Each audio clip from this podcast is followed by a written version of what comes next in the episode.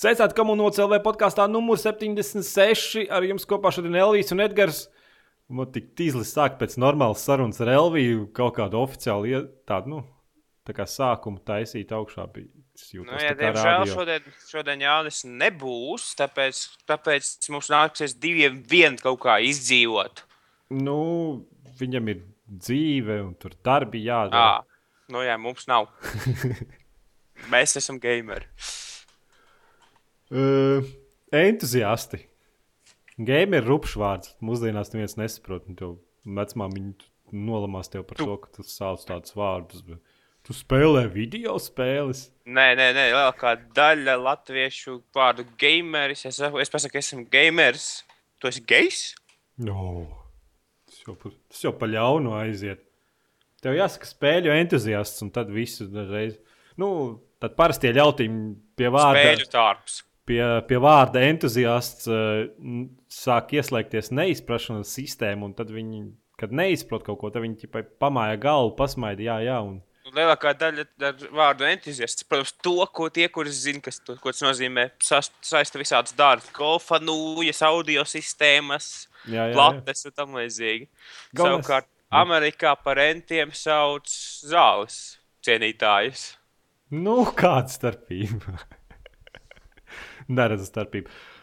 Nu, kaut okay, kas jau... Es domāju, ka šodien, pirms mēs sākam runāt par jautrām lietām, mums vajadzētu tikt galā ar, pirmkārt, sajaut, pirmkārt neievērojot uh, OC podkāstu tradīcijas, tās, tās tā kā laužot. Mums vajadzētu sākt ar jautājumiem, tāpēc, ka um, mums ir daži jautājumi, kuri tiešām būtu jāatbild, pirms mēs vispār kaut ko sākam. Un, uh, jā. Nu, Tad tu pats lasīsi. Jā, pirmkārt, paldies visiem, kas saka paldies par podkāstu. Mēs to novērtējam. Uh, teiksim, bet uh, pirmkārt, uh, kurš tas jautā? Elvija, ja pieaugušie runā par konsoles spēlēm, tad neķēs, ka tev tas neinteresē. Podkāstu klausās pietiekami daudz komandas biedru, tā skaitā es, kam tas interesē. Pirmkārt, uh, ja es pārtraucu, tad tas, domās, kā, tas nav domāts nopietni. Tas kā, Es negribu teikt humors, tāpēc, ka tas būtu pretenciozs, bet nedaudz tā kā tas nav nopietni domāts un neņem to personiski. Uh, man arī interesē konsoles spēles, jo man bija Playstation 3, tagad ir remontā. Uh, un konsoles, manuprāt, ir laba, labs veids, kā spēlēt. Es, es arī šeit paspēlēju konsoles spēles. Nav jau tā, ka es būtu full on PC Master Race. Tāpat Slowhands izplūda garā romānā par to, kāpēc podkāstos jābūt sausām ziņām un nekādam off-topikam. Ļauj man pateikt, kāpēc mēs runājam par off-topiku. Ja tu, ja tu gribētu klausīties ziņas, vai tu klausītos, kāpēc tu neklausies, teiksim, vietas, kur tās ziņas ir tiešām tā kā speciāli tam paredzētas, vietas, kas, vietas kurā, kuras ir paredzētas ziņām. Teiksim, Internetā ir simtiem podkāstu, teiksim, Total Biscuit, uh, Content Patch, Polygon podkāstu un tam līdzīgi, kur uh, viņi runā tikai par ziņām. Mēs runājam par. Mē, šis podkāsts nav nopietns ziņu mēdījums, un manuprāt, šis podkāsts ir uh, labs ar to, ka mēs runājam par visu, kas varētu būt aktuāls OC komandas biedriem un nevis tikai par ziņām. Jo ziņas to arī izl vai nu izlasīt OC portālu ziņu sadaļā, vai arī vispār citos podkāstos, kur tam paredzēti. Piedod, ja es aizskāru kādas emocijas, bet tas, tas ir mūsu nostāja un viedoklis.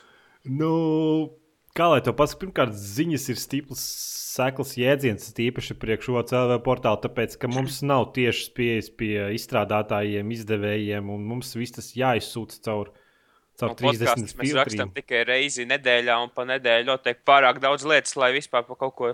Nu jā, nu tās ziņas arī tik seklas, un viņas tik ātri parādās citos portālos, ka tu nevari pirmkārt norēģēt.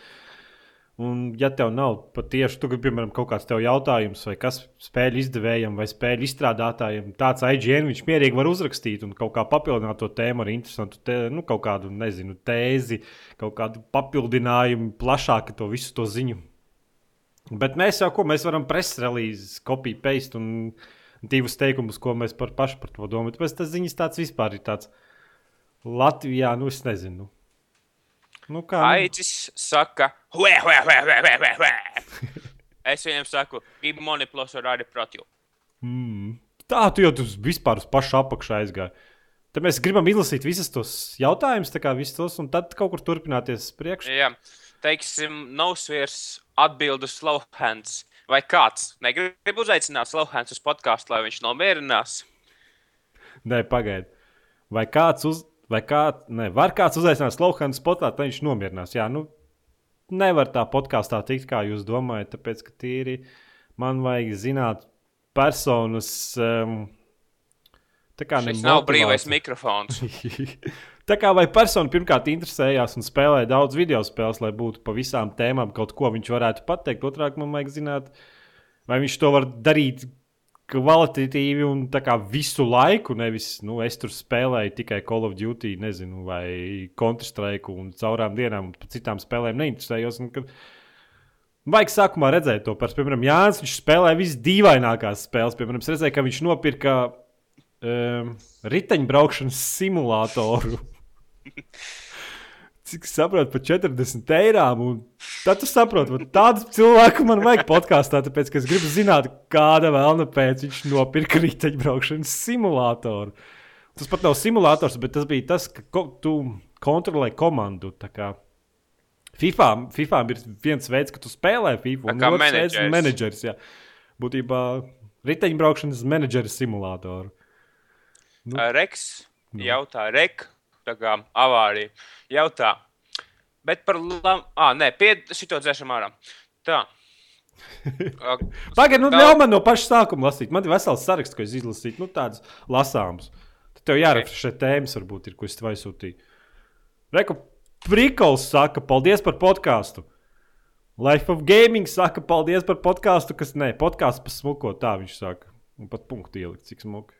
Un Reku ūdenzirnis raksta, jā, kopš uz cerams palikšanu ir pienācis trešais cilvēks. Podkāsts ir daudz kārt interesantāks. Piesaucu nelaimi, majārs.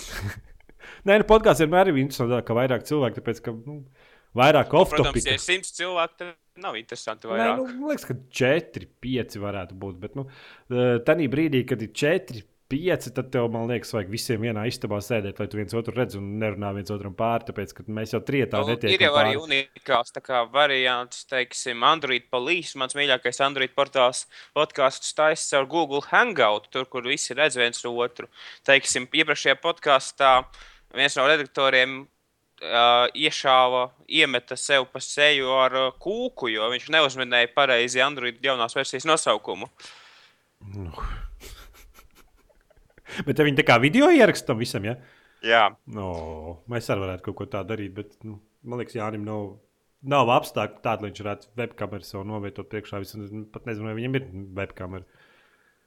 un tas pats ūdenzirnis jautā, vai kādu dienu būs brīvā mikro, mikforona, mikforona podkāsts. Faraona podkāsts nebūs. Nu, Tas ir tāds, tas ir jebkurš, jebkurā brīdī var iesaistīties sarunā un naši izteikt īstu komentāru apspriežamo ideju. Uh, ir tāda lieta, ka mēs tikko, tikko parunājām, ka pēc jo vairāk cilvēku, jo lielāks haoss, pieci maksimums. Un tikko kā cilvēki jebkurā brīdī var iesaistīties, tad tiešām arī kļūst haoss, slamu vārdi, visādas remarkas un uh, kliekšana vienam otram pāri. Mm, man liekas, to viegli atrast. Vienkārši čata esamība, kad podkāsts ir dzīvajā, bet uh, mums nav Nu, laiks. tam. Filtrēs, kas tur augšā nāk, tad ir labāk. Jā. Nu, tu vienkārši tur čats un tu tur pievienoties tā kā ielas, un to rašu izlasīt. Bet uh, mums ir problēma ar laiku, mums tas nav darbs. Un... Kospis saka, tava amnēzija nestāv blakus Outlast. Es viņam piekrītu, vairāk pateikšu amnēzija apskatā, bet Outlast ir šausmīga spēle. Spēlē Bet es- pamēģināju, jā. Un, uh, bet amnēzija apskatā es pateikšu, kāpēc amnēzija savukārt ir labāka dažās citās vietās. Tā kā stay tuned. Mm -hmm, labi. Slowhands par nosferu mikrofonu. Kā burtiski gamerim var nebūt mikrofons? Tas ir apmēram tā, dodies uz kalnu slēpot bez inventāra. Problēma tāda, ka nosferu šobrīd nav gameris. Viņš ir students, man liekas, Dānijā. Viņam ir portatīvais dators, kurš ļoti knapi strādā, kuram nesen pat baroklis nobeidzās. Un nezinu, vai viņam šobrīd ir prioritāti iegādāties nu, mikrofonu priekš podkāstu, ņemot vērā, ka viņš ir ārzemēs, citā valstī. Man liekas, tā valsts nav tik lēta, lai izdzīvotu tik viegli. Un cik es dzirdēju, viņam paiku pizdīja. tā, kā, tā kā tas ir vienkārši sitiens pa maku viņam. Viņam desa jā, jāpērk un jāslēp zem spilvena. Runājot par zakšanu, man bija čauli pazīstami, kas laikam es nepateikšu pilsētu, kurā viņi mācījās, bet kaut kādā, kur šos te sporta skolotājus apmāca. Un viņš bija savā leduskapī izlauzis eh, caurumu iekšā un slēpa tur pelmeņus. un dēsu viņš lika, man liekas, zem spilvena vai kaut ko tamlīdzīgu. Bet, nu, iedomājieties, ka tur sporta skolā viss brutāli vienkārši. Nu, kojās dzīvot, vislabākā reklāma ir video huļa bļoda netīra. Mm, nu, apmēram tādā fonā. Labi, šādā, šādā 118 rakstu uzlika fonā podkāstu un spēlēja Fallout New Vegas. Es nesen pamēģināju Fallout New Vegas, baigi grūti atgriezties viņa spēlē. Viņi tika sasodīti, saraustīti. Nu, man Fallout vispār spēles, man it kā patīk stāsts. Jo es biju liels orģinālo divu cienītājs, bet tā trešā un NV man liekas, man tas gameplay mehānikas nepatīk. Šaušana pirmās personas RPG ir diezgan viduvēja un neprecīza. Kontrols ir diezgan konsolisks un uh, gameplays man liekas diezgan vienmaļš. Nu, man Fallout 3 ļoti patika, tāpēc, ka tur bija atvērta tā, un tur bija tāds pa pilsētu varēja pastaigāt. Un Fallout New Vegas ir fucking tuksnesis. Uh, Tur vispār nav nekā interesanta. Tur, kā... Lasvegas oh. jau atrodas tūkstoši. Nu, es saprotu, jā, bet no gameplay puses man bija interesantāk staigāt nu, pa tādām cilvēku mājām, un pa pilsētām, tādām vietām, kur kaut ko redzēt. Tad tūkstnesī iet un šaut krabjus. Man atceros, ka nu, es izgāju Fallout New Vegas, bet es neteikšu, ka es biju lielā sajūsmā par to spēli. Ok. Uh, komentāros daudzi izsaka tādu tā kā neapmierinātību par manu pagājušās reizes aizraušanos ar krievu lamu vārdiem. Bet es, varu, bet es varu pateikt to, ka šodien mana mutē ir pilnībā tīra, tāpēc, ka pagājušā nedēļa es nebiju diezgan izgulējies, man vēl aizvien kā nedaudz murgi no amnēzijas rādījās. Labi, teiktu tālāk. Aksit CD. Hm, man vienmēr patikuši šis podkāsts. Neko nekad neesmu tīnis uz priekšu. Visi ļoti patika un apmierināti. Protams, varētu nelietot lamuvārdus tam līdzīgi, bet man vienkārši patīk viss, kā ir. Tā tik turēt. Ūdenzirnis raksta, vajag copes video, ja ne ar lielo lomu pa palielināties, vismaz palielināties ar noslēcinātos lieku daudzumu. Man liekas, mūsdienās vairs neviens sliekām neķer. Es... Tagad ar elektrošoku visi ķer. Ar akumulātoru. Jā. Nē, var jau laikam uz sliekām ķert, bet tas pasākums tāds kaut kāds, man liekas, kaut kāds vēl nakts liekas. Es redzēju nakts liekas. Jā. Tāds milzīgs. Tām var vēl ķert. Bet parastiem sliekām, cik mēs bērnībā, man liekas. Nu, es tā kā drīzāk esmu spinninga entuziasts, bet, uh, bet tā, ar tām jau foreles un tam līdzīgi. Ja karpas, tad tiešām, ja kā kar, nevis karpas, bet ja būtis, tad uh, būtis tikai ar citu veidu. Uh, jā. Jautājums ir tāds, uh, kurš saka, ka joku nākstīšanās jau ir podkāsts galvenais pluss? Piekrītam, nav jau ekonomikas sapulce. Arī piekrītam, mēs nerunājam par ekonomiku. Ar LV viss kārtībā, gan jau šāmējies piešausies. Mm, es negribu nekur piešauties klāt. Tas varētu būt sāpīgi. Kudrdzirds jautā, kad būs vēl dziļas kritikas video? Man ir Man ar tiem trim, kas izraka no tā YouTube kanāla, nepietiek. Vēl. Problēma ar YouTube ir tāda, ka tāds just for fun fakts. Iedomājieties, mums bija video, kas ir top 10 2012. gada spēles, kurā vietā ir pirmajā vietā bija Far Cry 3. Un man šo video YouTube nobloķēja. Tāpēc, tāpēc, nu, jā, ka, tāpēc, ka es izmantoju Far Cry 3 video. Nu, viss sliktākais šajā jomā ir uh, Nintendo un Sega. Nintendo tā kā gribēja uh, slēgt cietu visus šitos te taisīt bodītas cietu visiem let's playeriem, kuri taisa šitos te let's play videos. Uh, Nintendo spēlēm, jo tas izmanto viņu autotiesību darbu, un, ja kāds nosūtās let's play, tad uh, nevienam vairs nav iemesla, protams, tie, kuri grib tikai skatīties to spēli. Nevienam vairs nav iemesla pirkt to spēli priekš Nintendo nu, konsoles. Sega arī cenzēja internetu. Un, un, nu, jā, ar, tā kā arī autortiesību materiālu jābūt uzmanīgam. Bet nu, problēma tāda, ka tu autortiesības ir aizgājuši tik tālu, ka tu pat nevari pats filmēt video. Nu, tas, nu, ja tu nopietni kaut, kādu traileru, es saprotu, bet nu, vienkārši, nu, ka man katram Battlefield 3 video, kur es pats uzfilmēju, man vienmēr tiek atnāk no IE games paziņojums, ka čali tu tā nedrīkst darīt. Nu, Just what the fuck, lieciet man mieru. Nu, Okay. Tas tā. Jū, Mēs runājām par Need for Speed, un Māris Meļņikovs jautā, kas vairs Need for Speed, piemēram, Most Wanted, ir spēlējama, tie nākošie Carbon un Undercover tikai kaut kādas kopijas. The Run arī bija ok. Tā, es varu pateikt to, es esmu tīrs elītists un uzskatu, ka Need for Speed nomira pēc Hot Pursuit 2. Jo, manuprāt, tad tas pār aizgāja marasmā, jo lielāks spoilers, jo ātrāka mašīna. Un, manuprāt, 2010. gada Most Wanted bija tas, kas Need for Speed franšīzē bija vajadzīgs. Proti, ātras mašīnas, policija un uh, smuki skati. Uh, nevis Need for, Need for Speed, nevis Need for Spoiler and uh, 20 inch rims. nu, es, pēdējais Need for Speed, kas man patika, bija Darāna un laikam tad Underground 2. Un pārējie man kaut kā viss, es nezinu. Just, Nu, jā. just viss pārāk sarežģīti, pārāk daudz lieka. Tur ir pēdējā kaut kāda, laikam, demo versija, ko spēlē. Tur bija uz Battlefield 3 ziņa, un tur tās spūdzes vienkārši acis dedzināja ārā. Tu vienkārši brauc, un tur bija tie um, kameras, kas uz ātrumu filmē. Nu, kā nē, fotografē uz ātrumu. Tu vienkārši brauc, un tev visu laiku zipsnī tā, tik, tik, tie ekrāns noraustās. Vai domā, Rivals? Nu, Man liekas, jā, kaut kas tam līdzīgs. Tā, kas iznāks drīz. Nē, tā jau iznāca, kuras spēlē, kas pēdējā bija. À, tas ir tas, uz Frostbite bija Terran. Nē, un Vai vēl domā, viens Most spēle. Wanted? Var- Jauno. Varētu būt, jā, jā. jā. Tas tā kā, tā kā burnouts, bet uh, ar Jā, jā, jā tas to es spēlēju. Un Tur man likās vienkārši, ejiet, jūs. Mm, Krievu rupju Bet vārdu. tā ir Frostbite patentēta feature. Nu, man ar tas Battlefield Apšildes. trešajā sing- single player, kas spēlē, likās.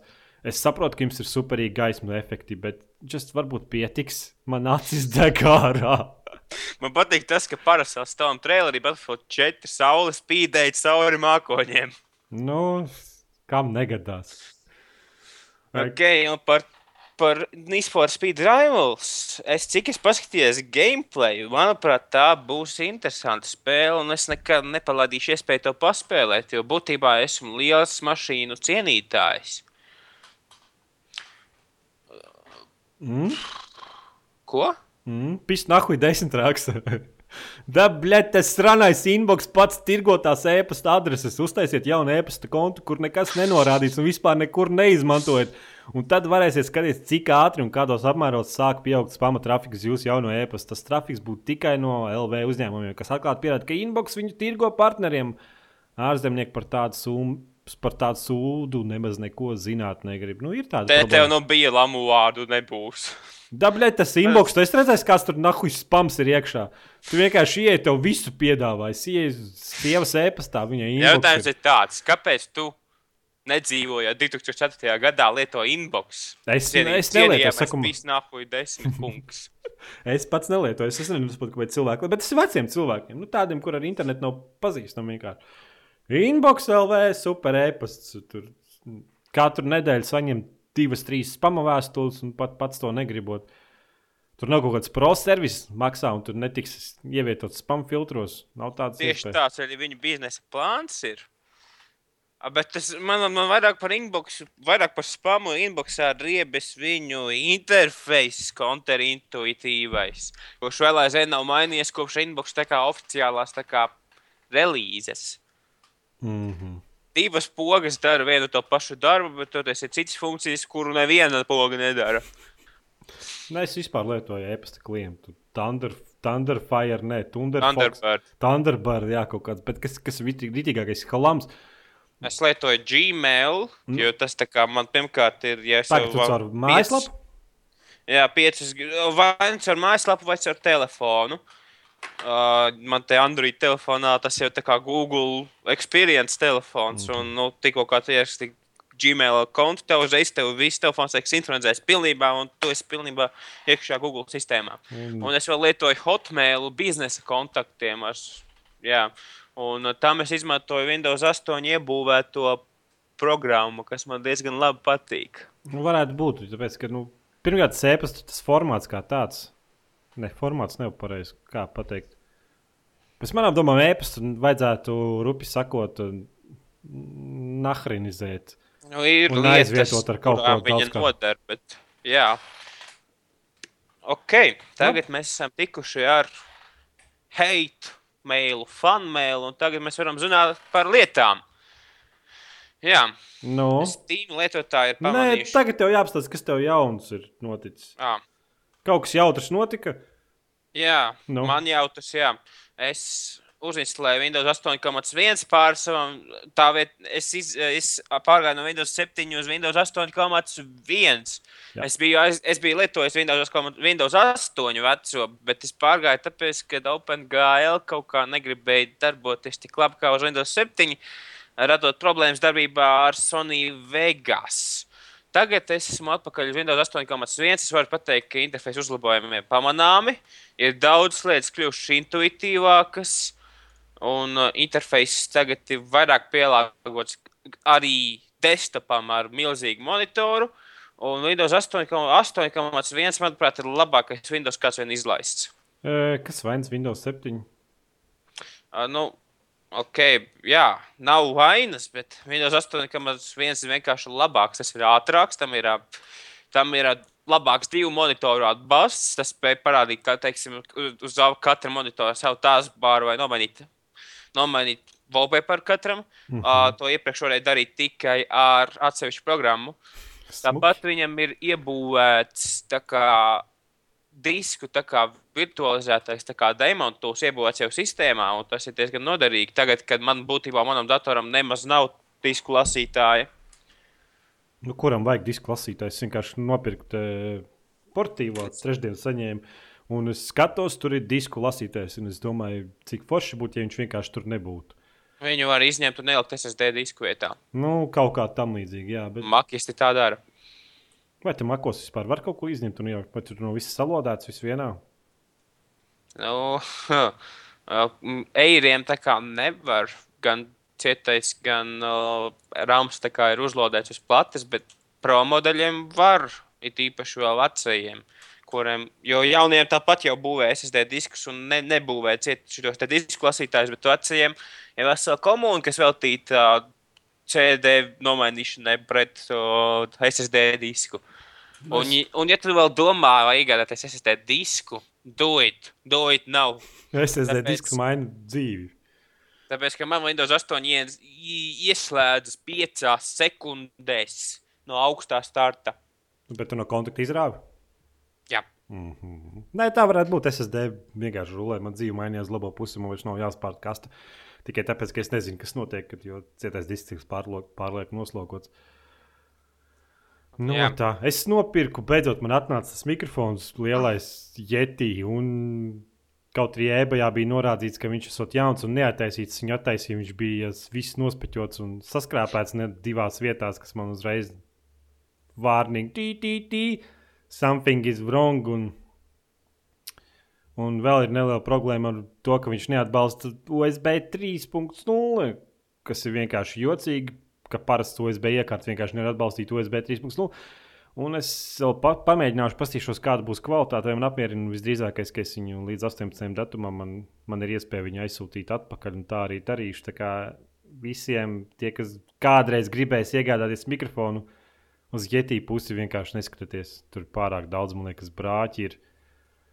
Nu, es tā kā plānoju nākotnē iegādāties audio tehniku AT2020, kurš ir YouTuberu arī vēl viens iecienīts mikrofons aiz Blue Yeti Pro. Un, uh, It, it, it kā izskatās, ka uzņēmums audio tehnika varētu būt pieredzējušāka šajā jomā nekā Blue mikrofons. Lai gan, ja tu esi patriots, ja tu esi patriots tad tev iesaku pirkt Blue mikrofons, tāpēc ka Blue mikrofons dibināja tāds latviešu cilvēks, kā jau būs. Tā bet es iebilnēju latviešu internets. Latvie... Man viņš desmit minūtes lādēja. Tu gribēji iet tāšu Wikipēdijā. Nu, labi, Jā. faktu ček. Latvijas Nu. inženieris Mārtiņš Saul, Mārtiņš Saules Purens. Oho, saules purenis. Tā arī tur rakstīts, vai tu, tur vienkārši kaut kā angliski izbojāts. vā- vā- vārds? Mārtiņš Saules Purens. Tur nav kaut kāds Mārtiņš saules puķis vai kaut kas tamlīdzīgs. Nē, Nē, nezinu. Nē nu viņam tam jetīra funkcionalitāte ir patīkama un viss tas tur. Bet, nu, man liekas, ka audio tehnika, tas mikrofons, ko tu teici, ir daudzkārt prastāks ar mazāk funkcijām. Un tas arī varētu būt pluss. Un man bija iepriekš tas USB desktop mikrofons no Logitech. Pa 30, latiem? pa 30 latiem, jā, tāds ar garu kātu vienkārši novietojams uz galda. Un es pateikšu, audio kvalitātē atšķirība ir, ja tu ritīgi, ritīgi ieklausies, bet uh, tas viennozīmīgi, nu, kaut kāds 70 lats pa upgrade samaksāt. Vispār nekādīgi returns? Jā. Nē, nu mana balss skan tagad vēl seksīgāk un vīrišķīgāk, un zemie toņi tiek labāk paņemti. Un, Tagad tu esi kā radio cilvēks. jā, es varu, nu, ir tā balss, kā patīkamāk skan. Un, tāpēc, ka ar to USB mikrofonu tur nedaudz izklausās, kā 14 tīks tīns, tāpēc, ka nu, viņam nav tas tik plašs tas spektrums, ko viņi var uztvert. Bet, uh, nezinu, man, man liekas, audio tehnika. Tīri tāpēc, ka viņš ir prastāks USB, viņa interfejsā varētu būt daudzkārt vienkār, vienkāršāk sanākt viņu lietot. Jo Blue Yeti ir tāda problēma, ka man Windows settingos skaļums viņam ir uzrādīts uz 8%. Un, ja es griežu skaļāk, man vienkārši skaņa tiek raustās un tā kā pārāk skaļi viss notiek. Tā ne, nepatīkami, ka tu nopērci jaunu spēli, fuj, jaunu spēli, jaunu mikrofonu. It kā tev rakstīts, ka viņš būs jauns, un tu atver, un tur viss nospeķots, un divās vietās jau ir noskrāpēts. Un...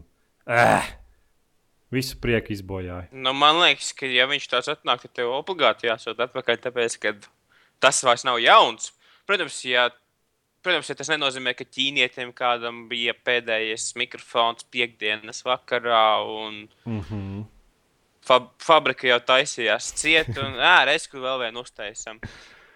Nu, nē, nu, tā nu, nebija patīkami. Parasti ebajā man ir pieredze vienmēr daudzkārt labāk, un šis pārdevējs arī bija kaut ko 99% pozitīvs. Es domāju, ka es viņu sūtīšu atpakaļ. Nu, es nezinu, pas, pastīsimies, kā man patiks podkāstu kvalitāte. Problēma ir tāda, ka man ir slinkums kaut kur iet. Vienkārši man ir slinkums celties un iet uz pastu un kaut ko sūtīt prom, un tad gaidīt kaut kā atpakaļ, kad tā nauda atnāks.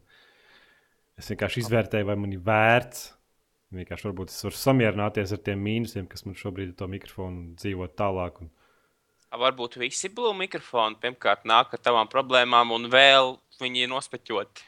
Varbūt tad defaultā nāk. Jā, nu, vēl pats nepatīkamais tas, ka viņam ir tā kā blūzi mikrofons. Viņam viss accessori, kas citiem mikrofoniem it kā dara, nu, ka kaut kādas vienādas tur tās vītnes un biezuma un platuma. Tad šim mikrofonam viss tev jāpērk atsevišķi tikai no blūzi, tāpēc, ka, tāpēc, ka viņi ir tā izdomājuši. Un, piemēram, blue, dabudi, darudā, blue, dabudi.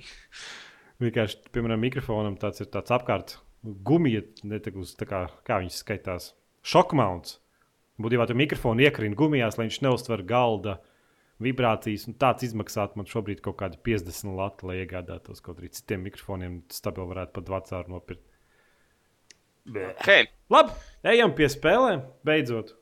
Es tā kā izmantoju Steam labvēlību, Activision no. labvēlību un izmantoju iespēju uh, trešo reizi jau paspēlēt Call of Duty Black Ops 2 laikā, kad viņš ir bijis bez maksas. Šī jau ir trešā reize, kā jau minēju. Un vēl aizvien nekas nav mainījies. Tā spēle it kā ir fans savā veidā. Viņa nav tik lēna kā Battlefield 3 Mm -hmm. vai nav tik taktiska kā Counter-Strike.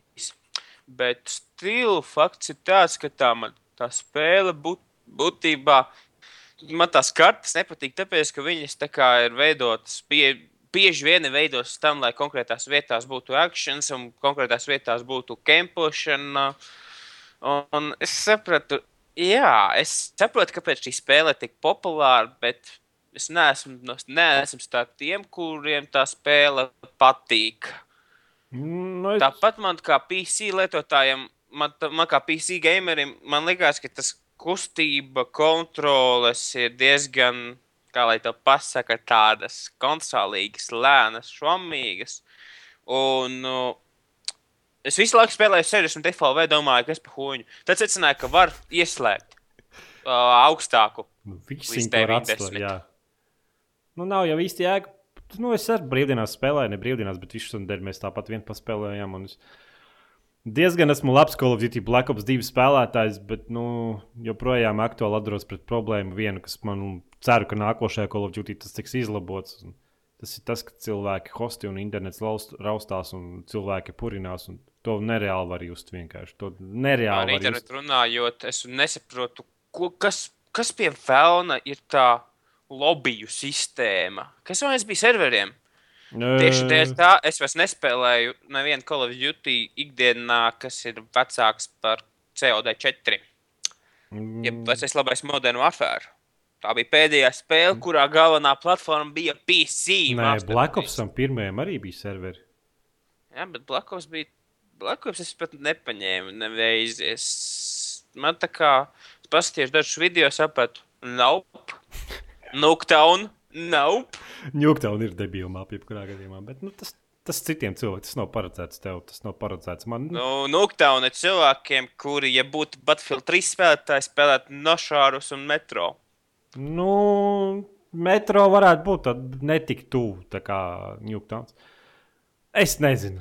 Tas vienīgā problēma, kas man ir Black Ops 2, kas man šobrīd ir, tas ir internets savienības, kas brīžiem ir vienkārši neizprotams. Un cerams, ka nākošie viņi izlabos. Bet tā gameplay, es nezinu, nu, šaubu kveiks bez bazukām. Man Nu. nepatīk vispār mūsdienu tā kā trends, ka, ja tev ir, ja tev ir sliktāks internets, tad tev jādod priekšrocības nekā tam, kuram ir s- kosmosa, optika, lāzeri un tam līdzīgi. Jo tāpēc, ka, teiksim, Battlefield 3 arī ir tas nožēlojamais network smoothing faktors, kas nozīmē, ka cilvēks, kuram ir 200 pings, spēlēs. Kurš ir tā kā taisīts, lai cilvēks, kuram ir 200 pings, spēlētu tikpat labi kā tev ar 20. Bet uh, tas parasti nozīmē to, ka ar visu klientu detekšanu nozīmē to, ka uh, it lodes Lodes lido apkārt, līk, uh, lodes lido apkārt līkumiem un stūriem. Nu, tas vienkārši man kretinē. Es nezinu, kāpēc viņi vienkārši neatdala tos cilvēkus. Nu, vienkārši ot, šis serveris nav. nav un, jā, un tādā Tas serverī ir ir. stulbākais veids, kā vispār kaut ko darīt. Tāpēc, ka uh, it kā serveris jūt, ka tu esi dzīvs. Uh, Tu pats redzi, ka tu esi dzīvs, bet tu esi tas vecis. Tam vecim tu esi divas sekundes vēlāk, vēl aizvien tu esi laukumā. Tāpēc viņš tev redz, ka, no, ka viņš tev ir nošāvis. Kam mēs ticēsim? Ah, cilvēkam, kurš ir nošāvis. Līdz ar to ir tādi jaukumiņi, kā kili no TUGS, no amokastes, no medpakas un mm -hmm. citi haki. Manuprāt, Es ja esmu redzējis, kur Čālijs šeit- visu komandu nogalina ar, eh, jā, ar medpaku laikam. vai Nu, bet tas Ja bija bet- paš, pašā sākumā. Man liekas, tagad jau vairs nav tik traki. Vai ir prāt tagad hako? vēl aizvien Jā? ir. Jā, bet ja Battlefield 4 būs. Nē, die, diemžēl Dāvis ir pateikuši, ka Battlefield 4 arī būs client-side detection un network smoothing faktors, bet viņi kaut kā mēģinās uzlabot. Bet, diemžēl, es visos video redzēju, ka tanki vēl aizvien saduroties, mahājas pa visu, visu tā kā braustā. Mm -hmm. Tu, tu braustās tā kā gumija. Un tā kā Battlefield 4 varētu pamēģināt, bet es ilgāk neizturēšu šo klientu detekšanu. Un nu, ceru, ka Battlefield 5 atgriezīsies pie normāla. Es atceros, ka Bat Company bija hibrīds. tā kā Pusi darba veica serveris, pusi kā klients. Un Nu, tas bija jāpierod, bet, bet tur nebija tik traki kā Battlefieldā. Nu, tur bija jāpierod, tur bija tas delejs, bet tas bija daudzkārt mazāks. Un es pārstāvu, man ļoti patika beta, un es vienkārši pārstāju Battlefield uz trešo spēlēt, un tāpēc, ka, nu, likās, nu, what the fuck, vienkārši. Nu, es negribu to. Es nejūtās, nejūtās, nejūtās vienkārši jautri, nu, ka tu vienkārši nošaut tevi divām lodēm, kaut arī īstenībā tev ir izlādēta vesela aptvere, bet tikai tu to vienkārši nepavani. Tas vienkārši liekas negodīgi. Es nezinu, nu, man nav. Man nav interesi spēlēt, ja ir vienkārši kaut kāds pa vidu faktors, kas neatiecas tikai uz manu skilu, bet uz kaut kādiem citiem vienkārši faktoriem, kurus es nevaru nekādīgi ietekmēt. FIFA 14. Nu, es visi var iet un lejuplādēt demo, un visiem ir iesaka, kas izmēģināja jaunāko FIFA 14 sistēmā. Mēs izmēģinājām vakar, visu vakaru un spēlējām. Un es te... kāda atšķirība no 13. jo cik es saprotu, uz konsolēm ir baigā revolūcija, bet uz PC man liekas, viņi nav apdeitojuši jau kopš 9. gada. Kādā ziņā? Man liekas, tas tāpat spēlē uz konsolēm. Kas tur, kas tur savādāks? Viss tas pats. Pirmais ir internetu. Nu, ieeja tā kā, ieeja tā kā cilvēki teica, "Ugh, PC nespēs pavilkt tik naidu zinēju. Ko tad? Ieeja šitie, ieeja tā paziņoja kaut kad mājā vai jūnijā, ka PC nepas, ne, nespēs pavilkt viņu augsti tehnoloģisko ignaidu zinēju.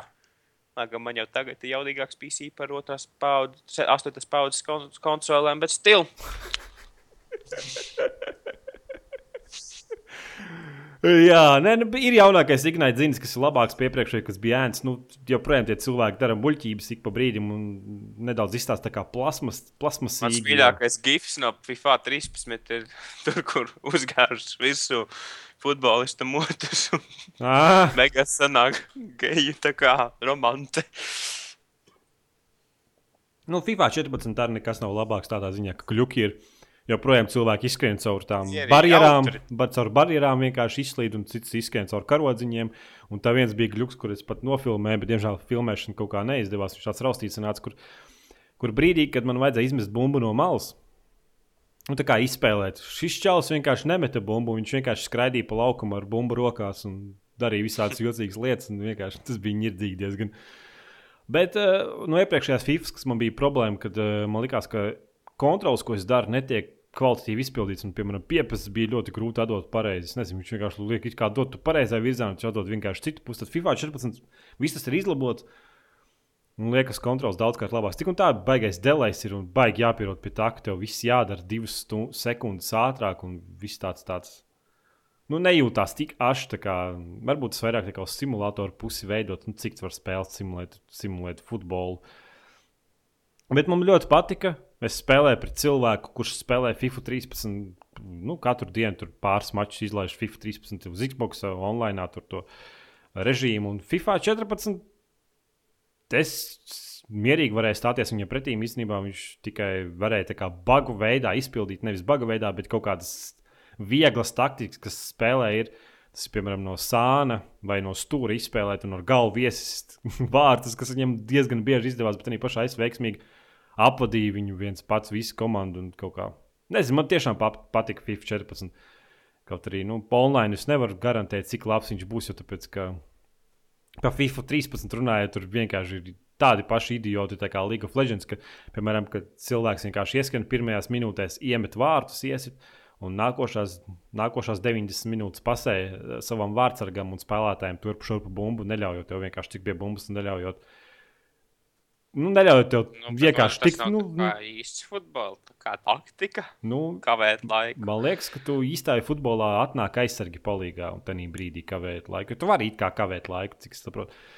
Bet, nu, spēl, Ok. okay. bet spēlē tu neko nevari izdarīt. Vienkārši, ja viņš kavē laiku, nu, tad vienkārši viņš tur turp šurpu bumbu piespēlē un tu tā kā muļķis skraidi apkārt.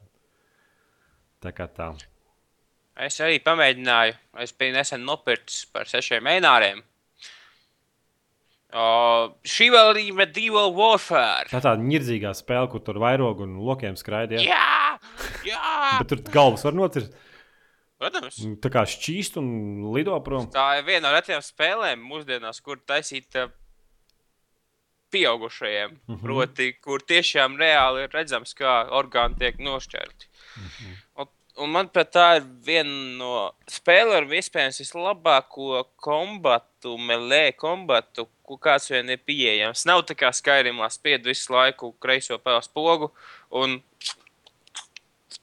un tā visu laiku. Nu, bet tur nav tā, ka tu ģipa, atkāpies un tad atvēzējies un ej tuvāk. ģipa, Tā kā mēģini. Jā, Tā kā Nu, nu, tu- distances samazināt tajā brīdī, kad tev zobens vai cirvis, kas tev rokās tieši tur. Tur jau ir speciāli tā kā, tehnikas, katram instrumentam jāpamācās nedaudz. Lai... Un būtībā jā, ir diezgan jautri un diezgan forši. Iesaku jebkuram spēlētājam pamēģināt. Nu, es vienmēr skatos, uz- ka vienkārši tīm deadmatch ar zobeniem un lokiem. Un es iepriekš biju kaut kādā spēlē līdzīga, ar- kur vispār varēja zirgiem jāt un visādi savādāk. Jā, Vārds, tas man diezgan intri- nu, ilgi patika. Gan tas kombats nebija tik foršs. Nu, kaut kā tā. Nezinu, ilgi, ilgi to spēli nevarēja nospēlēt. Varēja pašā sākumā, bet nu, tad beigās likās, ka tu 30% gadījumā, kad tu kaut ko dari, citu, tu īsti nesaproti, vai tu vispār trāpīs vai net, netrāpīs. Likās tā diezgan be, beztaktiski un nu, nedaudz laimi iesaistīta. Okay, ko domā par jauniem Humble bundliem? Tur divi iznāca, viens weekly, otrs tā kā indie. E... Tur ir diezgan forša spēle. Fez. Man gan nepatīk izstrādātais, diezgan elitisks izklausās. PC ir tikai Excel tabulām un Japāņu spēles. Japāņi nemāķi taisīt spēles. Jā, jā. Nē, nu, es nopirku Fezu uz Xbox 360. Un, e, es viņu nespēlēju. Man diezgan viņi ir iebijās. Tāpēc, ka... Cik es skatījos Indiju movie, The Game. Tas, man liekas, ka Fils Fišs bija diezgan nestabils cilvēks. Viņš tās diezgan uz sabrukuma robežas izskatījās, un viņš vēl izskatījās diezgan, diezgan uzpūtīgi saistībā ar to, kas viņa spēlē. Viņš uzskatīja, ka tas ir kaut kāds ekstra mākslas darbs, un, ja tu to ne, neizbaudi, tad tu esi neinteliģents cilvēks. Nu, es viņu paspēlēju, pirmkārt, likās, ka tas ir sidescrollers. Un... Bet problēma ir tāda, ka tur sākās, ka tev jāiet kaut kādi kodi, jāmin, jāraksta uz būtībā uz lapiņas, visu pa labi, pa kreisi, un tur viss kaut kādi šifri kā jāatmin. Un viss tas likās. Blē, blē. Es no vēl jaunā bundļa. Pirmkārt, ja tu neesi izspēlējis FTL, tad es iesaku Man jebkuram ir. pasaules cilvēkam to izspēlēt. Es... Man jau tā spēle bija jau iepriekš, bet no FTL ir ļoti relaksējoša un jautra spēle. Un tā ir viena no retajām izgājis, jā, viņa ir diezgan sarežģīta. Uz kādu bet... grūtības pakāpi? Uh, Uz īzī noteikti. Uh, easy nozīmē hard, un hard nozīmē impossible šajā spēlē.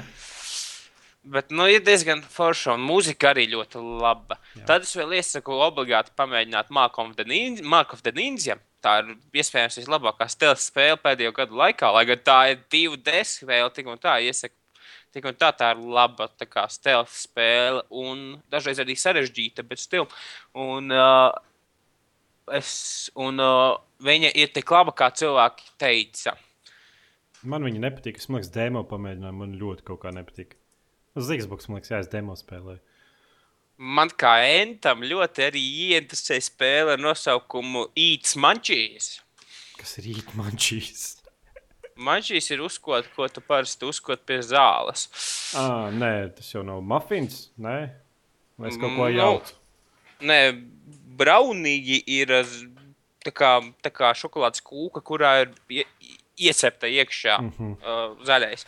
Bet mančī ir tā kā čītos, čipsi, sirmaizītes, mm -hmm. tam līdzīgi. Nu, visādi tā, tādas lietas. Jā. Un es apskatījos, tas bija tā kā, tā kā fizikas tā kā spēle, kur tev vajadzēja kaut kā palīdzēt vienam apēst visu, kas ir uz kartes. Es, es neiebraucu tajā spēlē, it kā saprastu, ka man liekas, ka tā spēle bija tā kā pat taisnā portēta no iPhone, iPad vai tam līdzīgi. Nu, viņa grafiks tā arī izskatās tā kā no iPhone, no iPad. Interfejs izskatās kā no. Nu, jā, nu.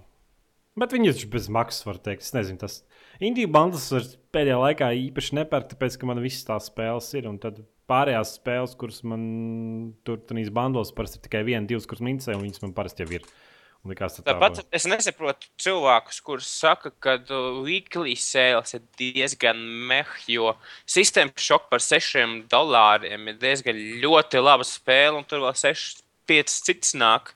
Uh, kas tur ir 2,3D, tad vēl divi, divi šitie te, Sirijas Sami.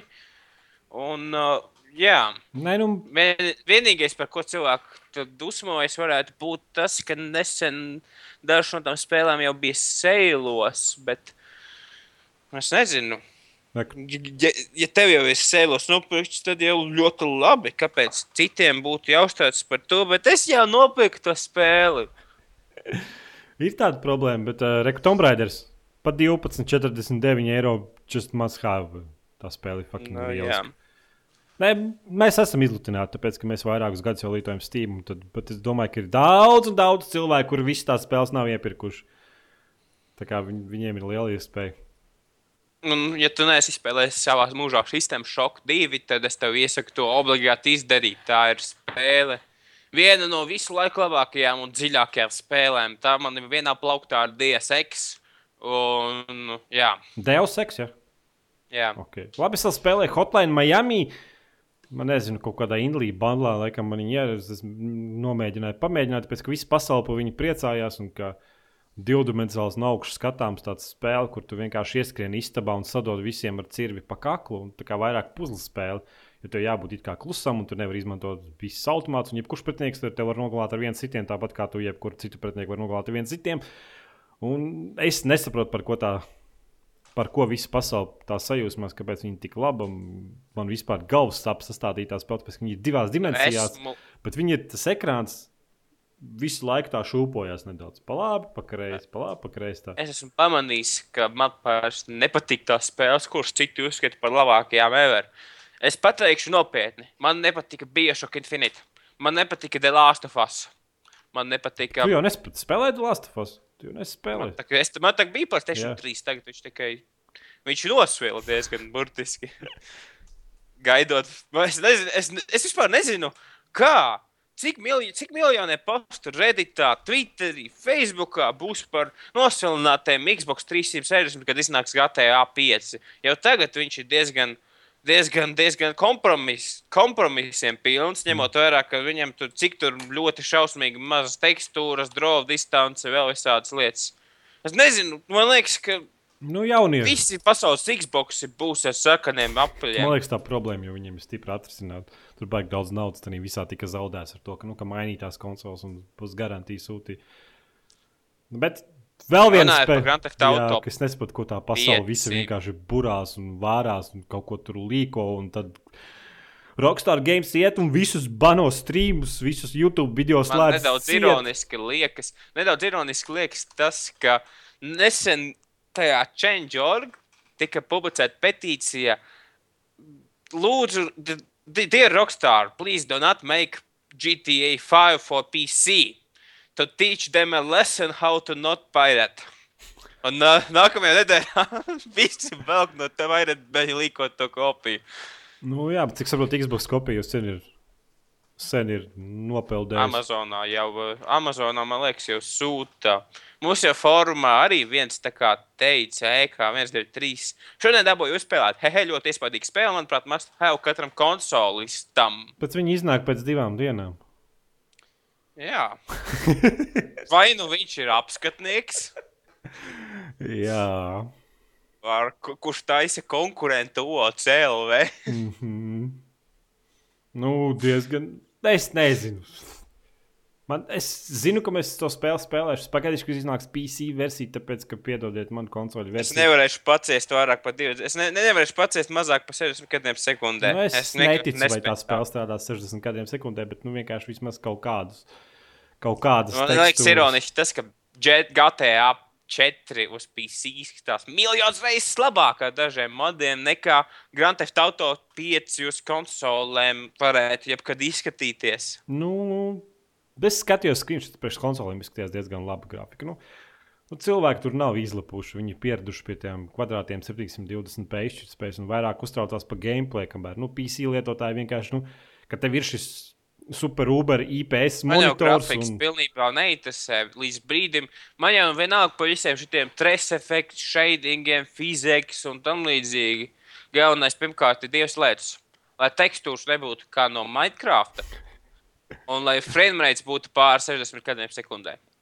Nu, tas vienkārši tur cilvēki neuztraucās par tādām lietām, ko mēs uz PC kā uztraucamies. Tikai Kad es pamēģināju pēc kompānijas oriģinālo paspēlēt uz konsoles, ak, Dievs! Es nevarēju pakustēties, līdz kamēr ekrāns nesadalās divās daļās, un augšu nepie- nespēja pas, pavilkt apakšu līdzi. What the fuck? Nu, tās, tās spēles spiež no Battlefield, tie dziņas spiež ārā no konsolēm, visu, ko vien var. Nu, tur nevar. Un pats galvenais, ka daži pezēti saka, ka daži koncertu pezēti saka, ka pagaidi, tik PS3 vēl nav izmantojis visu savu potenciālu. Nē, nu, tu, viņi, kā, nu, tā optimizācija tā sauktā konsole. Esmu, man liekas, vienā. Optimizācija nozīmē nogriezt. Viņi vienkārši nogriež skata features, samazina, Nogr- samazina tekstūras uz kaut kādiem konkrētiem objektiem. Un, Stāps, teiksim, parā- parādās tikai tad, kad tu brauc tam garām tieši. nu, neko nevar darīt. Nu, bet cilvēkiem, ja viss spēlē, ja visu mūžu spēlē konsoļu spēles, tev pilnīgi pofīgi pa PC. Bet, nu, tie, kas ir mūsdienās, īpaši šobrīd, kad vēl jaunās konsoles nav iznākušas, tie, tie kam ir jaudīgs PC, nu tu ne, nevar go back. Like. Okay. Tagad runājam par ziņām. No. Tā, uh, diemžēl man ir sliktas ziņas konsoļu un PS4 cienītājiem. Viens no tās vienīgajiem plusiem ir pazudis. Ubisoft izplata vīrusus arī uz konsolēm. Uplay service apstiprinās priekš Xbox One un PS4 konsolēm. Nu, Origins arī būs vienkārši mīskast. Man vienkārši What gribās. fuck? Vienīgais iemesls pirkt konsoli bija tāpēc, lai es varētu iešaut disku, apsēsties divānā un paņemt kontroli un sākt spēlēt. Tagad, tagad visiem uplējiem un roģiniem Nu, atvainojiet, būs tas, bet nu. serveris nav pieejams. Pagaidiet dažas minūtes. Visiem, visiem konsolistiem arī būs jāpisās ar trupi sakot. Ar ahujena labo Uplay servisu un būs jāveido IE games akkontu. Nu, paldies Dievam, viņiem tas viss bija labāk nekā vismaz Xbox 360. Bija tā, ka tu izveido vienu akkontu, tad nākošā spēlē, ko ieliec no IE games, tad viņš automātiski to visu to izdara un tev tur nav paroli jāvada. Tā kā es katru reizi kaut arī piespiežu oriģinālu save passwordu, viņš man nekad oriģinālu passwordu nesaglabā. Nu, bet vienalga. Ar tām parolēm visur ir problēmas. Not tāpat oriģinālā. Nē, OC nav problēmas ar parolēm. Es nekad neesmu pamanījis, ka man parole pazust. Varētu būt, ka tas Ok. nav drošākais veids, kā es viņu glabāju kaut kādās kukijos un hešos. Bet vismaz tev nav jāpisās. Rūpīgi. Call of Duty Ghosts iekļaus Kinect balss komandas. Līdz ar to te kaut kāds pasaki, you fucking fagot, Xbox izslēgsies. Nē, Cerams. zini, kāpēc Ghostā tev būs balss komandas. Lai tu vari suni komandēt. Tu viņam pas, gulēt, vēlies sēdēt. Ceļamies un vēlamies. Es ceru, ka viņi iekļaus tādas iespējas. Es nevaru iedomāties. Tas būtu tik super, ka tev būtu vadāms suns, kuram tur sēdēt. Bet būtu Vēlies. jauki, ja tikko kā tu nolamājies, teiksim, nosauc kāda, kāda māte kaut kādā vārdā, tā uzreiz. Viss, paldies, jūs esat nobanos, jūs esat, ju- jums tik konsole tiek izslēgta. Es domāju, ka viņš jaunajai konsolē to varēs izdarīt. un Ņemot vērā, ka viss iet caur Microsoft Tikko servisiem. kā kaut ko pasaka, tā uzreiz no reportē Amerikas Savienoto Valstu valdībai, un tev atnāk vīri melnā un freeze, you are under arrest. Bet viņi to nekad nedarīs. Like, just, tu nevari. Tu vienkārši tā komuna, kas uz Xbox tur pie... atvainojas 50% visi bļaustās rupjiem vārdiem. Un tu tur nevar neko tur izdarīt. Labi, tālāk ir pozitīva ziņa, kuru es sen gribēju dzirdēt. Killzone Shadowfall, jaunais Killzone, kas būs PlayStation 4, neiekļaus pieredzes punktu un progresu. Ne, pieredzes punktu progresa sistēmu. Būtībā Jautājums ir tāds, kāpēc jebkura pasaules spēle to iekļāva?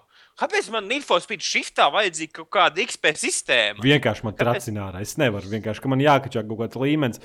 Es, man ir pilnīgi vienalga, lai es nevaru nevienu spēles. Kas bija vainas tikko, nonāca vienā kontrapunktā, tā es te pārmetu citā līmenī. Kāpēc kaut kāda kā punkti jākrāj un tam līdzīgi? Kas pa vēlnu?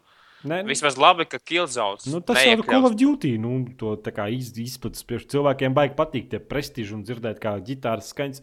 Un es saprotu, ka tas ir ļoti viegli. Tas vi- jebkurā spēlē tas darbojas. Visas tās fermas un viss tas viss viss to vienu to principu dot spēlētājiem ideju, ka viņš kaut kur progresē un kaut ko sasniedz.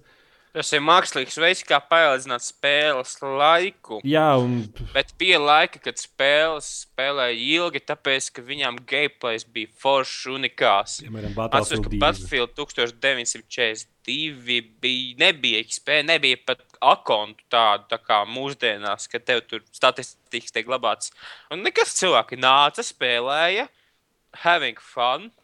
Nu, tāpēc, ka nu, nu, nav nekāda jēga no tās pieredzes sistēmas. Nu, man pilnīgi vienalga par tiem līmeņiem. Man tas vienkārši, viss tas, viss tas, man liekas, vienkārši šobrīd stājās uh, priekšā gameplayam. Un, piemēram, tu sāc spēlēt kaut kādu Assassin's Creed, kad tas multiplayer pēdējo, kad spēlēju. un Likās, cik forši man būtu visi šie e, priekšmeti, un es viņus varētu visus uzreiz izmēģināt un atrast varbūt kaut kādas dažādas taktiskas, kā es varētu šo spēli spēlēt. Bet nē, man ir kaut kāda pieredzes punkta. Man, līmeņi, vēl, varbūt man liekas, ka šie XP līmeņi pēc spēlē nedaudz kaitē, jo, jo kāpēc? Tāpēc, ka cilvēki ierauga traileros visus šos foršos šaujamos un tam līdzīgi. A, kas viņiem ir tur? Kas viņiem tur ir tie, te, te, ka viņi nopāk spēli? Viņiem ir tikai parasts kaut kāds, teiksim, lētais AK-47 automāts vai tam līdzīgi.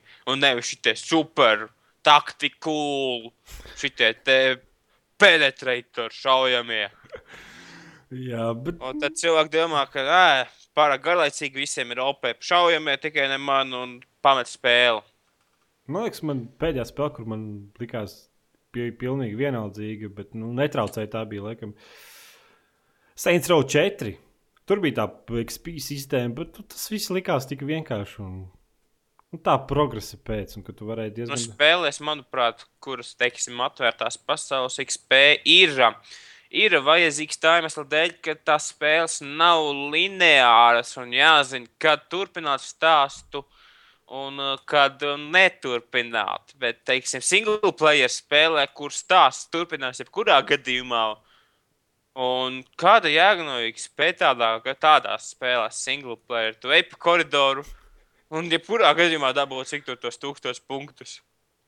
Es, tas, man liekas, tas trendam tik nepazudīs nekādā gadījumā. Tāpēc, ka, nu, es kā redzu, ka Call of Duty spēlēm tur kaut kādi šie te. A, tur tam šiem te kabelas, tam šaujamam, šiem medniecības gabalam, ko tur tajā YouTube. Tā arī ar nebija bija XP. pareizi. Vienkārši šauja lauvas kaut kādas, kas lec no kokiem un tev XP. tāds, bļā. Es ceru, ka viņi beidzot to visu atmetīs malā. es, jā, es ceru, ka viņi netaisīs nākamo kabelas spēli. Labi, tālāk. Namco bandai apstiprināja free-to-play spēli Soul Calibur Lost Swords, kas būs priekš Playstation 3. Man liekas, viņi nesen izdeva Tekenu arī kaut kādu bezmaksas. Tā kā Soul Calibur es spēlēju. Uh, nē, Mm, Tā diez- diezgan kaujiņš. free-to-play tā kā žanru. Mums ir gaidām pozitīva nākotnē, jo uz PlayStation 4 būs gan Planet Side 2, gan Warframe, gan Soul Calibur. Un pats labākais, ka tās spēles varēs spēlēt nemaksājot par šito te Sony PSN Network Plus. Tā kā daudzspēlētāju režīmu varēs spēlēt nemaksājot. Jā. Nu, super. Nu. Un pats labākais saistībā ar free-to-play spēlēm ir tas, ka nekāda nauda nenonāk pie GameStop un citiem, Nu, citiem žuļakiem, kur pārdod lietotas spēles. es ceru, ka mūsu konsolēm daudzāk tad ir dažas labas spēles. Tur, piemēram, tas Warframe jau nebija laba, bet. Nu, Nu, citi saka, ka ir. Es neesmu mēģinājis, bet nu, nu, jā, bet nu, tas plašākai publikai vienkārši uz PC. Kā, nu, tas vienkārši elitisti, kurus pērk spēles. Mēs, es, es, es, piemēram, pats personīgi īpaši free-to-play nemīlu. Es spēlēju dažas Nu, spēles, piemēram, League of Legends, kurai man free-to-play. free to play šitas te riebes visvairāk uz telefoniem. Bet cilvēki Tāpēc, spēlē. teiksim-. Man pats bija kaut kāds draugs, kurš vienkārši kaut kādu Simpsonu tapālu, nezinu, kaut kādus tur virtuļus, kaut ko tur spaida, kaut kādu pilsētu audzē. Nezinu, vienkārši what the fuck! Teiksim, tagad modē ir tāda spēle kā Candy Crush, kur speciāli kļūst sarežģītāka, lai tu vai nu tu vari gaidīt, cik tur minūtes, vai arī uzreiz skipot un mēģināt vēlreiz. Mm. -hmm. uh, cik tur daži, un daži jau tērē vairāk simtus. Vienkārši. Tāpat, kā jau jūs zināt, man diezgan labi patīk animācijas seriāls MLP. Es biju diezgan iepriecināts, kad GameLoft izlaida spēli uz uh, Android un iOS. Bet es apskatījos, what the fuck. Ir ka, lai tā spēle izietu endgame, tur ir jāiz, vai nu jāspēlē 60 gadus pēc kārtas, Mhm. vai arī jāsamaksā 150 mārciņas. Nu, super spēle. Nu. Paldies! Es vispār uz Android nevaru nevienu spēli paspēlēt. Ir bijušas labas kaut kādas. Nu, vienīgā Android spēle, kas man patīk, manuprāt, ir uh, Super Hexagon. Indijas spēle, kur arī uz Steam diezgan ritmiska un bieži vien liek lamāties krievu lamu vārdos stundas laikā.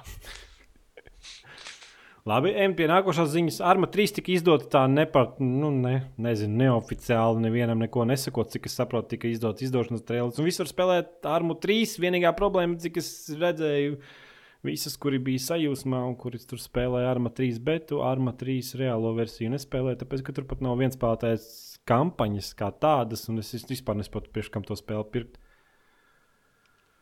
Un viņi nav izlab, izlabojuši pašu galveno. Tās ir kontrols, tās ir tikpat debilas kā Armā 2, kad tu pieeji pie mašīnas un tev gribi kaut ko izņemt no bagāžnieka, tev jāritina. Man vēl vairāk Rullītis. nepatīk tas, ka it kā PC spēle, it kā taisīt tikai PC, bet vēl aizvien performāns, optimizācija tā kā vājam konsoli portam. Nu, performance vienkārši briesmīgi. Es, es nezinu.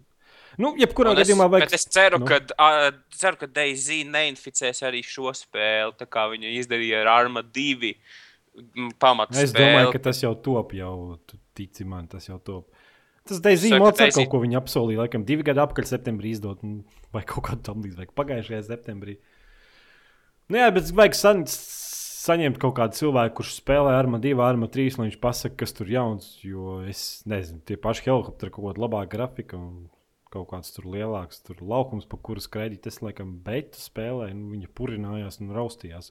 Un settingos tu varēji mainīt, ko tu gribi. un Tad es nezinu, vai es neticu, ka armā trīs ir galvenā versija izlabots. Saku, arī es dzirdēju, ka Jānis man liekas, teica, ka viņam nav problēmas ar performanci. Un jocīgā kārtā tagad ir otrādi, ka betā bija problēmas ar AMD kartēm, un tagad, kad spēle iznāca, tad visiem problēmas ar Nvidia kartēm. Un... Bleh. Es gribētu to performanci. Man Planet Side 2 nevar forget, tāpēc ka Planet Side 2 bija diezgan jautra spēle tādā ziņā, ka ta, uh, bija cilvēki ar 680 titāniem un tam līdzīgi, kuriem tā spēle vēl aizvien raustījās. Bet bija arī cilvēki ar AMD HD 7770, kuriem tā spēle darbojās perfekti. Un, manuprāt, tā ir diezgan. Un, un vēl dažreiz bija interesanti tas, kad dažiem uz high settingiem darbojas labāk nekā uz low vai medium. Tā spēle diezgan laimes spēle būtībā. Vai nu tev ies perfekti, vai arī, vai arī būs kā krāsa. Es domāju, ka pamēģināju. Pirmkārt, es pilnīgi nesapratu, jo man vienkārši iemeta kaut kur. Vienkārši nu, jā. kaut kur iemet, un es tipa, skatos apkārt, un es vispār nesaprotu kaut kādu pamācību, iedodiet man, kas man te jāspiež, kas man te jādara. Un tad tā spēle man uz jebkuriem iestatiem vienkārši strādāja ne vairāk kā 20 kadriem sekundē, un tad man, laikam, pietika 10 minūšu laikā pateikt, ka es Esmu- negribu spēlēt Planet 2. Esmu tā kā nedaudz izsaitos par to, ka manam datoram ir tāds pats video kartes modelis, kāds ir analoģiski iebūvēts PlayStation 4. Līdz ar to es domāju, ka tā, kad tika optimizēta saistībā Play- PlayStation 4 izlaišanu, tad man arī varētu darboties daudz labāk nekā tagad. Bet, nu, bet ir tā, ka spēles paliek ar vien labākas. Nu, ir spēles, protams, kuras joprojām tu vienkārši ieslēdz, un tu what the fuck notiek. Manuprāt, PC gamingam tagad būs kā lielisks laikmets, tad, kad konsoles tagad ir uz X86 un portēt pat taisno uz PC būs daudz vienkāršāk un labāk nekā iepriekš, kad tur visādi anālie cēl šitie te un kas tur Xboxam bija, PowerPC. Jā. Es aizmirsu, ka viena spēle, kuras spēlēju, spēlēju Rayman Legends demo, lai plādēju Steam. Tā spēle ir fucking lieliska. Es nebiju tik skaistu spēli redzējis, un tie līmeņi, ko es izspēlēju, likās vienkārši satriecoši. Tie, kas vienkārši, varbūt paši spēlē, es nezinu, varētu ieteikt spēli, jo tas tomēr tāds platformeris. Un Tur tās kontrols ir nedaudz portētas no VU, kur, kur kā domāts, ka tu pirkstu bakstu, tad vietā tu Y spaidi. Bet noteikti iesaku, ob, ne, neiesaku obligāti iet Steamā, lejuplādējiet Rayman Legends demo, kas ir kaut kādi 4 vai 5 līmeņi, ko tur izspēlēt. Tā fucking spēle ir vienkārši satriecoša. Nu, labāks nekā Origins. Mm, jā, jā, man Origins man likās nereāli grūts. Nereāli grūts likās. Un šis, šis likās tik fun, tik skaisti uztaisīts tie līmeņi, tik nereāli jautri. Tiešām. Es paskatījos Burgerpāla kanālā to, kā viņi spēlēja futbolu šito te. Jā. Un bija diezgan jautri. Protams, to visu padarīja jautrāk, kad bandzāja šī tā te bandzāja spēlēšana, bet stil. Man tā spēle šķiet diezgan jautri. Varētu pamēģināt kādā Steam sēlā. jā, es noteikti būšu kaut kādā Steam sēlē, es noteikti paņemšu. Es nevaru pateikt, ka es varu tagad atļaut. Es vienkārši atļauties par. Steam, mūsu tēvs, Dievs, tēvs, dārgais, svētais Gabs Novels ir ā, apdāvinājis cilvēci ar family sharing, ģimenes kā loka dalīšanos ar spēlēm. Ko tas nozīmē? To, ka cilvēks var, teiksim, ja, ja es gribu aizdot Edgaram kādu spēli, tad es viņam varu nospiest share library, li, library with him. Un tad viņš var piekļūt manām spēlēm, līdz kamēr es, līdz kamēr es viņam to liedzu. Ko tas nozīmē? To, ka dalīties var tikai ar desmit autorizētām ierīcēm, teiksim, esmu Edgaram, Jānim, kam tur vēl nosvēram, ūdens zirnim, un citiem. teiksim, šie var piekļūt, tad es viņam atļauju. Jā. Lūdzu, Edgars, ņem spēles manas. Un viņš tur, teiksim, ierauga, es gribu paspēlēt Burnout, teiksim, Infinite. Burnout, kas tur? Paradise, Burnout Paradise. Mm -hmm. Viņš leipādē paspēlē, un tad, kad es saku pietiks, tad viņam tiek iedots brīdinājums, ka pēc dažām minūtēm viņam spēle būs jānopērk vai arī jāpārtrauc spēlēt. Bet uh, viss, ko viņš būs saspēlējis, tiks saglabāts viņa Steam cloudā. Un tā kā nākamajā reizē, vai nu tā kā es viņam atkal aizdošu, vai arī tā kā viņš varēs to beidzot nopirkt, jo viņam iepatikās tā spēle, viņš varēs turpināt tur, kur viņš bija iesācis. Protams, tas nenozīmē, ka spēles varēs spēlēt pēc reģiona ierobežojumiem. Tā kā, ja tev būs US, on, US only spēle, tad Eiropā tu viņu varēs, nevarēs aizdot cilvēkam, Eiropietim. Mm. Nu, būtībā tas vieglāks veids, kā dalīties ar vienu kontu ar vairākiem cilvēkiem. Un viņiem pašiem būs savi achievementi, pašiem nu, savi manuprāt, save. viens no, viens no sliktāk. vi- Vienīgā problēma ir tas, ka, ko es tiešām gribētu, ir tas, ka cilvēki var padalīties ar uh, multiplayer spēlēm vienlaicīgi un taisīt landpārtīs ar vienu kopiju, bet tas laikam nekad nenotiks, ņemot Nē, vērā, ka nu, jā, kaut, kaut kā nauda jāpelna. Nē, nu, principā tu vari vienkārši padalīties ar savu kontu. Tas, kā, tas pats notiek kā šobrīd, kad tu vari ievadīt paroli un loginu savu draugu un spēlēt viņa kontu. Tā brīdī, kad tu spēlē, piemēram, nezinu, Far Cry 3 vienspēlētāju režīmu, bet tā brīdī, kad, tev, kad to spēli spēlē kāds, ne, tev no tava konta spēlē jebkuru citu spēli, piemēram, viņš ieslēdz Grand Theft Auto. viss save games Jā. tiek tā kā sap, sabojāts. Nu, tu, tu no Far Cry 3 tiec izmest ārā. Vienlaicīgi viena konta spēles var spēlēt tikai viens cilvēks. Nu, tas nebūs tā, ka tu tagad viens spēks, viens spēles, otrs spēks, viens spēlēt. Un tu viens otru tur dalies un nepēc spēles. Tā tas viss tik viegli nebūs. Šis varētu būt labs variants. Kā lai to pasakā, šis varētu būt labs variants, teiksim, pāriem. Teiksim, tu spēlē visus tos Call of Duty, Killing Floor un citas nopietnas spēles. Ah, kāpēc es pieļauju, pie, kāpēc es pieliku Call of Duty pie nopietnām spēlēm? Anyway, tu spēlē nopietnas spēles, Killing Floor, kas tur ir orķestra un tam līdzīgi. Ja tu, teiksim, draudzenei aizdod paspēlēt nedaudz portālu vai indijas spēles un tam līdzīgi. Tā kā, manuprāt, tas ir lieliska, lieliska kā, sistēma. Es atceros, ka šis Microsoft gribēja Xbox One pievienot arī līdzīgu sistēmu, kā aizvietojumu fiziskajai dalīšanai ar kopijām. Bet tad, tad, tad, tad internetam tas nepatika. Nu, viņi to diezgan viņi... nesmugi gribēja izdarīt. Nu, jā, kaut kāds tur ierobežojums, stunda vai cik tur un tam līdzīgi. Nu, nu, Un tad uh, internets tā kā sap, teica, Xbox, Xbox One, Xbox slikts, Playstation 4 labs. Un tāpēc Xbox atgriezās atpakaļ pie klasiskā spēļu dalīšanās. Nu, jā, nu tas Steam ģimenes plāns tas nebūs tik tā, ka tu tiešām varēsi dot visiem pa labi, pa kreisi savas spēles, lai viņi spēlē. Tā brīdī, kā tu gribēsi uzspēlēt jebkuru spēli, pat piemēram, ne to spēli, kur tiek šobrīd spēlēta. Tā brīdī, kā tu ar savu kontu spēlē spēles, tā cits konts, ar kur tu dalījies, tiek izmests ārā no spēles momentāli. Tā kā tas nav. Būtībā, ja, ja jums kaut kādā draugu strādājat divās maiņās, kur viens strādā rīta maiņās un otrs strādā vakara maiņās, tad jūs varat ar viens samainīties viens otru saviem kontiem. Tā kā Family Es drīkstu pajautāt vienu lietu. Kāpēc tev saitbārā OCLV to, ka spēles Spēlēties vēl blacklist, ir četras zvaigznes, gan auto ir četras zvaigznes, bet Rayman Legends, par kuru tu tikko starā Jā, biji, nē. ir tikai divas Es tās, zvaigznes, jeb četras pirmkārt, no no saitbārā es tās zvaigznes Es zinu, ka tie metaskori, Nē, es tie nav metaskori, tie ir lietotāji paši var balsot. Tu vari uziet pelīt uz tās zvaigznītes, uzreiz zvaigznītes un piespied. teiks, un Rayman Legends ir tikpat novērtēts kā The Bureau. XCOM, kas ir būtībā aizveidojusi visiem XCOM faniem. Es domāju, ka vienkārši cilvēki īsti neizprot to funkcionalitāti un kā tas darbojas. Kāds vienkārši notroļoja Es tikko ieli, es tūlīt ielikšu piecas zvaigznes, lai izbalansētu. Tagad vidējais vērtējums ir 3 no 5. Jā. Tā kā viss tās tuvākās spēles, tas ir lietotāju vērtējums.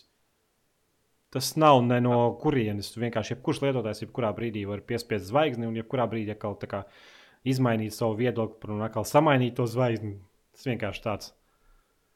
Pastīties, ko okay. cilvēki domā vairāk. Ar, es domāju, ka šādi būtu jābeidz. Mēs visus tematus, kur mēs bijām ieplānojuši, esam izrunājuši. Mm -hmm. Un paldies par klausīšanos. Tā nevar tik spēcīgs no tevis. Jāpasaka, kaut kas jautrs ir. Kādi... Pupi. Labi, tā.